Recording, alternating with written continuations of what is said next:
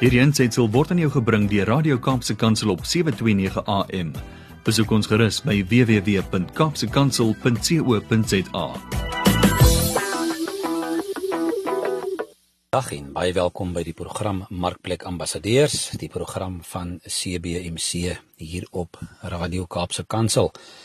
My naam is Harm Engelbrecht en dit is my voorreg om hierdie program aan te bied en met julle te gesels um, oor 'n paar beginsels in die besigheids besigheidswêreld en hoe mense jou besigheid ook moet inrig volgens Bybelse beginsels en veral ook um, aan die hand van die die Bybel wat vir ons sê in 2 Korintiërs 5 vers 20 dat ons ambassadeurs is vir Christus.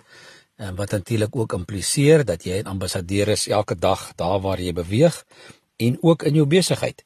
Dit is dan ook kom ons ook hoekom ons hierdie program doen uh, en om ook noem markplek ambassadeurs om te sê 'n bietjie vir mekaar te help en te praat oor hoe ons as ambassadeurs vir Christus elke dag uh, moet optree. Ek wil ehm um, vandag 'n bietjie met julle gesels oor die konsepte of begrip van evangelisasie en disippelskap in jou besigheid.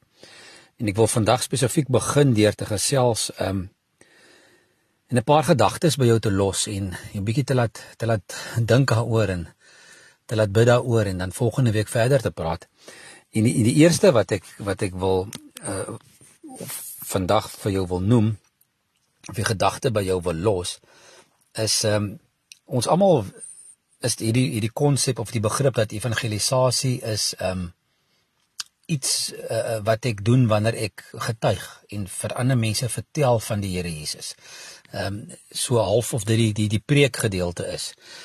En dan disippelskap ehm um, dan die groei gedeelte nadat die persoon tot ehm um, tot bekering of tot inkeer gekom het of weergebore is. En die vraag is is dit is dit twee prosesse? Is dit twee aparte prosesse? Met ander woorde, ek ek sê vir myself ek is nou eers besig met evangelisasie en dan sal ek later besig raak met disippelskap. Of is dit twee verweef dat 'n mens eintlik tydens die evangelisasie proses eintlik alreeds besig is met disippelskap. Nou dit is goed waaroor 'n mens kan gesels en verskeie kante toe beredeneer. En ehm um, party mense gaan vir jou sê man dis twee aparte prosesse, party gaan vir jou sê dis een aan een lopende proses. En die voorbeelde wat hy mens skryf vir hierdie 'n uh, uh, proses is byvoorbeeld wanneer daar ehm um, gekyk word na wat gebeur in die landbou. Kom ons vat byvoorbeeld ehm um, koring wat wat wat ges, wat wat wat geplant word of wat gesaai word. Die grond word voorberei. Ehm um, die koringkorrel word in die grond gesit. Ehm um, dit word nat gemaak of die reën maak uh, reënwater maak dit nat. Dit begin groei en uiteindelik word dit dan geoes. En wanneer ons kyk na die die die daai analogie en dit van toepassing maak op geestelike lewe en ons kyk na die gelykenis van die saaier, dan kan dit gesê word ja, die die dis die woord van God wat gesaai word in mense se harte. Ehm um, hulle neem dit aan en dit begin vrug dra. En dit en dit spruit vrug voort en soos wat die Bybel sê, 10voudig, 20voudig of of 50 of 100voudig uh, wat ook al die geval mag mag wees. Maar dan is daar ook die die die die die denkrigting van mense wat sê nee, evangelisasie is die proses tot en met die die wedergeboorte tot die nuwe mens ehm um, uh gebore word en en dis basies dan van van geboorte die die res van die van die van die proses is dan 'n groei proses soos 'n nuwe baba wat wat wat gebore word. Hoe jy ook al daarna wil kyk en hoe jy ook al wil evangelisasie en disippelskap wil definieer, die die punt is ehm um, dit moet gedoen word. En daar's daar's en ons moet vir mekaar ehm um, uitmaak vandag wie se werk is dit? Ehm um, is dit sendelinge of predikante se werk of is net is dit net ander gelowiges se werk? Ehm um, is dit regtig die die werk van besigheidseienaars? Ek meen jy sit dan nou so vol uh, jou dag is so vol, jou programme so vol om om besigheid te doen en om te probeer om kop bo water te hou en en jou besigheid uh, na die beste van jou vermoë te, te te bestuur sodat dit uh, kan wins maak sodat jy jou mense kan betaal. Ehm um, so waar moet jy nou nog disippelskap en evangelisasie in hierdie uh, proses inpas? Die probleem is dat in Suid-Afrika is daar, well, kom ons kyk eens wêreldwyd. ehm um, het ek die die skokkende statistiek raak gelees dat ongeveer 1 derde van die wêreldbevolking noem hulle self Christene. Uh, nou dit kan enigiets beteken, maar dat slegs 1% van daai 1 derde ehm um, woon uh, op 'n gereelde grondslag 'n kerk by. Nou kom ons kyk nou na 'n jaar terug, eh, die pre-COVID tydperk. Dis nou heel anderster, dis nou aanlyn. So kom ons kyk fisiese bywoning van eredienste is ongeveer deur 1% ehm um, van van van Christene wat hulle self Christene noem. Nou as 1/3 Christene beteken dit is 1% van van 33%, met ander woorde 0.3% van die wêreldbevolking ehm um, woon eintlik op 'n gereelde grondslag 'n erediens by. In Suid-Afrika is dit so ongeveer 0.7% van die bevolking wat op 'n gereelde grondslag eredienste bywoon. En dit is min. En die vraag is nou waar moet die die res van die mense nou die evangelie hoor en die boodskap van Jesus Christus hoor, die goeie nuus hoor as hulle nie uitkom in 'n plek waar hulle dit kan hoor nie. As hulle nie na 'n kerk toe gaan nie en as hulle nie in in in aanraking is met ander uh, gelowiges elke dag um, op 'n daaglikse basis nie. Dan is die vraag eintlik, het die besigheidswêreld, uh, die markplek, nie dalk 'n baie groter rol om te speel in die bediening en in die evangelisasie van mense as wat ons dalk dink nie? Is jou besigheid nie dalk jou bedieningsveld nie? Is jou besigheid nie dalk jou gemeente waar jy ehm um, met mense in aanraking kom? Ehm um, en met hulle die evangelie moet deel nie. As ons maar net vinnig kyk na na 'n paar teksverse uit die Bybel uit, dan is die opdrag daar om om getuies te wees, maar ook die opdrag is ook daar om disippels te maak. En ek wil sommer gou begin deur sommer in Markus ehm um, hoofstuk uh 16 vers 15 te lees waar daar staan waar Jesus gesê het gaan uit die wêreld in en verkondig die evangelie aan die hele mensdom. So daar's 'n verkondigingsopdrag wat aan aan die mens gegee is. En dan ook die in Matteus net voor die hemelvaart Matteus 28 van vers 19 19 tot 20 staan daar geskryf waar Jesus met sy disippels praat en hy sê vir hulle: "Gaan dan na al die nasies toe en maak die mense my disippels." En dan sê hy 'n paar dinge by hoe dit gedoen moet word.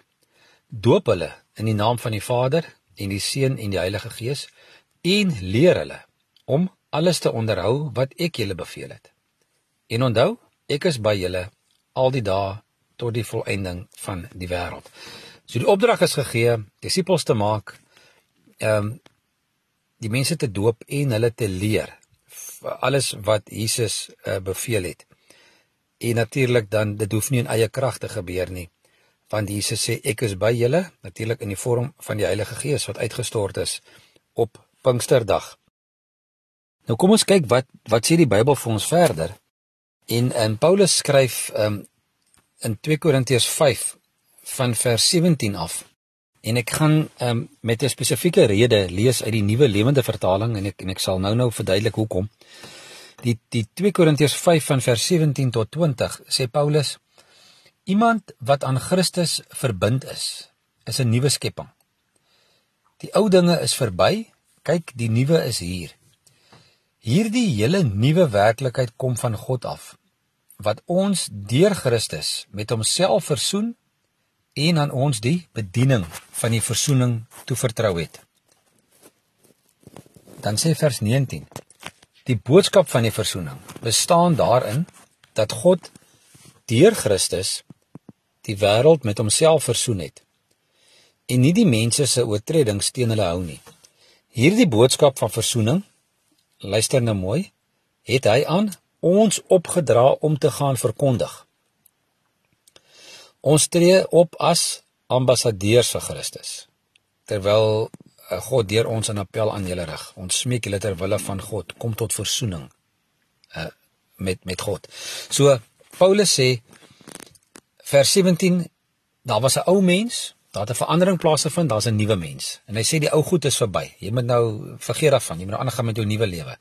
Vers 18 sê dit kom as gevolg van God wat die mens deur Christus met homself versoen het En dan sê hy die bediening van verzoening is aan ons gegee. En die volgende vers sê hy dat die boodskap van verzoening aan ons gegee is en dat ons sy ambassadeurs is. So met ander woorde, as ek hierdie gedeelte reg verstaan, dan beteken dit daar's 'n opdrag om nie net te gaan praat nie, soos wat um, Matteus 16:15 sê gaan verkondig die evangelie. Ehm um, maar daar's ook 'n opdrag om iets te gaan doen. Daar's ook 'n bediening van verzoening. Daar's 'n werk van verzoening wat ons moet gaan uitleef daar buite en vir mense moet gaan wys. So dit is dit is praat, praat en doen wat wat moet gebeur hierso. So die vraag is is dit ehm um, nie elkeen wat gered is wat hierdie opdrag gekry het nie. Hierdie opdrag van van verzoening wat moet uitgeleef word, wat uitgepraat moet word, wat vir mense gedeel moet word en dan ook die opdrag van van evangelisasie en om disippels uh, te gaan maak. Ek het spesifiek die die gedeelte gelees uit uh, die nuwe lewende vertaling omdat in die 1983 vertaling word die woord ambassadeur nie gebruik nie. Daar staan nie gewoord um, gesant en in die ou vertaling praat van verteenwoordigers. Maar seker 90% van jou Engelse vertalings gebruik die woord um, ambassador. En en ek wil juis die woord ambassadeur gebruik omdat ons program ook markplek ambassadeurs is.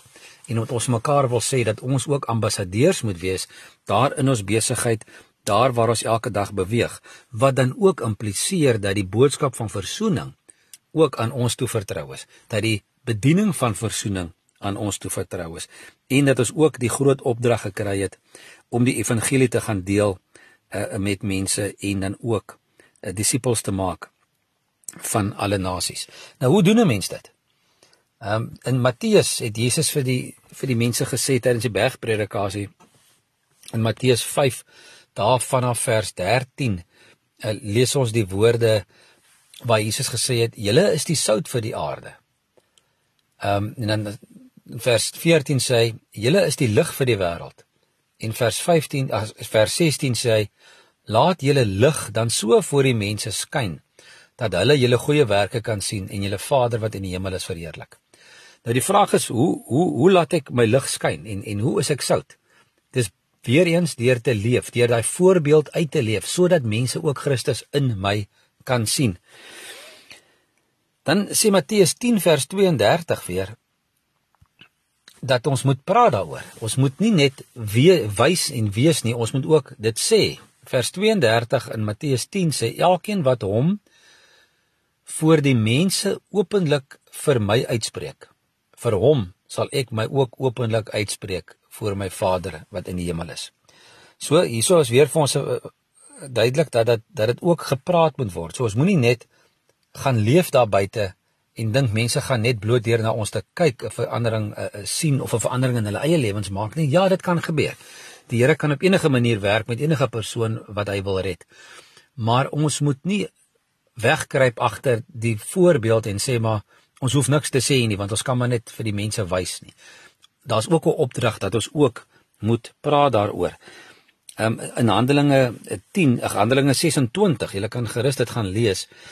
In Handelinge 26 word Paulus ehm um, die die die die stuk beskryf waar Paulus voor koning ag koningin Agrippa sy sy getuienis gee en waar hy dan vertel hoe hy tot bekering gekom het, hoe sy lewe gelyk het, wat met hom gebeur het en hoe dit verander het en en dat hy gepraat het daaroor. Ja, hy het die voorbeeld geleef, maar hy het ook gegaan en hy het ook gepraat en gesê hoe dit gedoen moet word. Ek wil kyk na 'n paar riglyne uit die Bybel uit hoe moet ons dan nou ons lig laat skyn en ehm um, hoe moet ons dan nou lewe sodat mense ook kan sien dat ons aan aan Christus behoort. In Kolossense 4 vers 5 tot 6 sê die volgende: Tree met wysheid op teenoor die mense wat nog buite die gemeente is. En ons kan dit gelykstel aan mense wat wat nog nie die Here ken nie, mense wat nie kerk toe gaan nie, mense wat dalk nog um uh, uh, uh, afvallig is van van die woord, wat nog nie glo nie. So tree met wysheid op teenoor die mense wat nog buite staan. Maak die beste gebruik van elke geleentheid.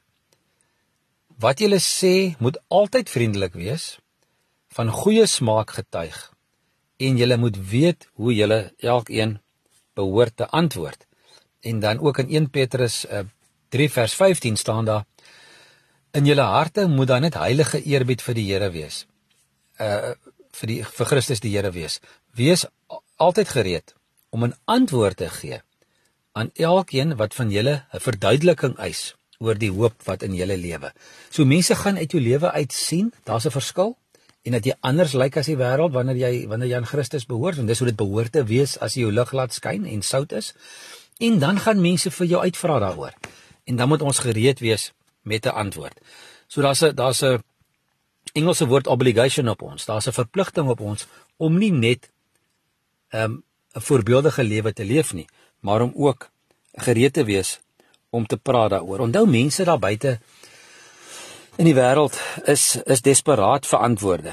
Mense is desperaat want want hulle soek vrede. Mense soek soek vreugde, hulle soek hoop.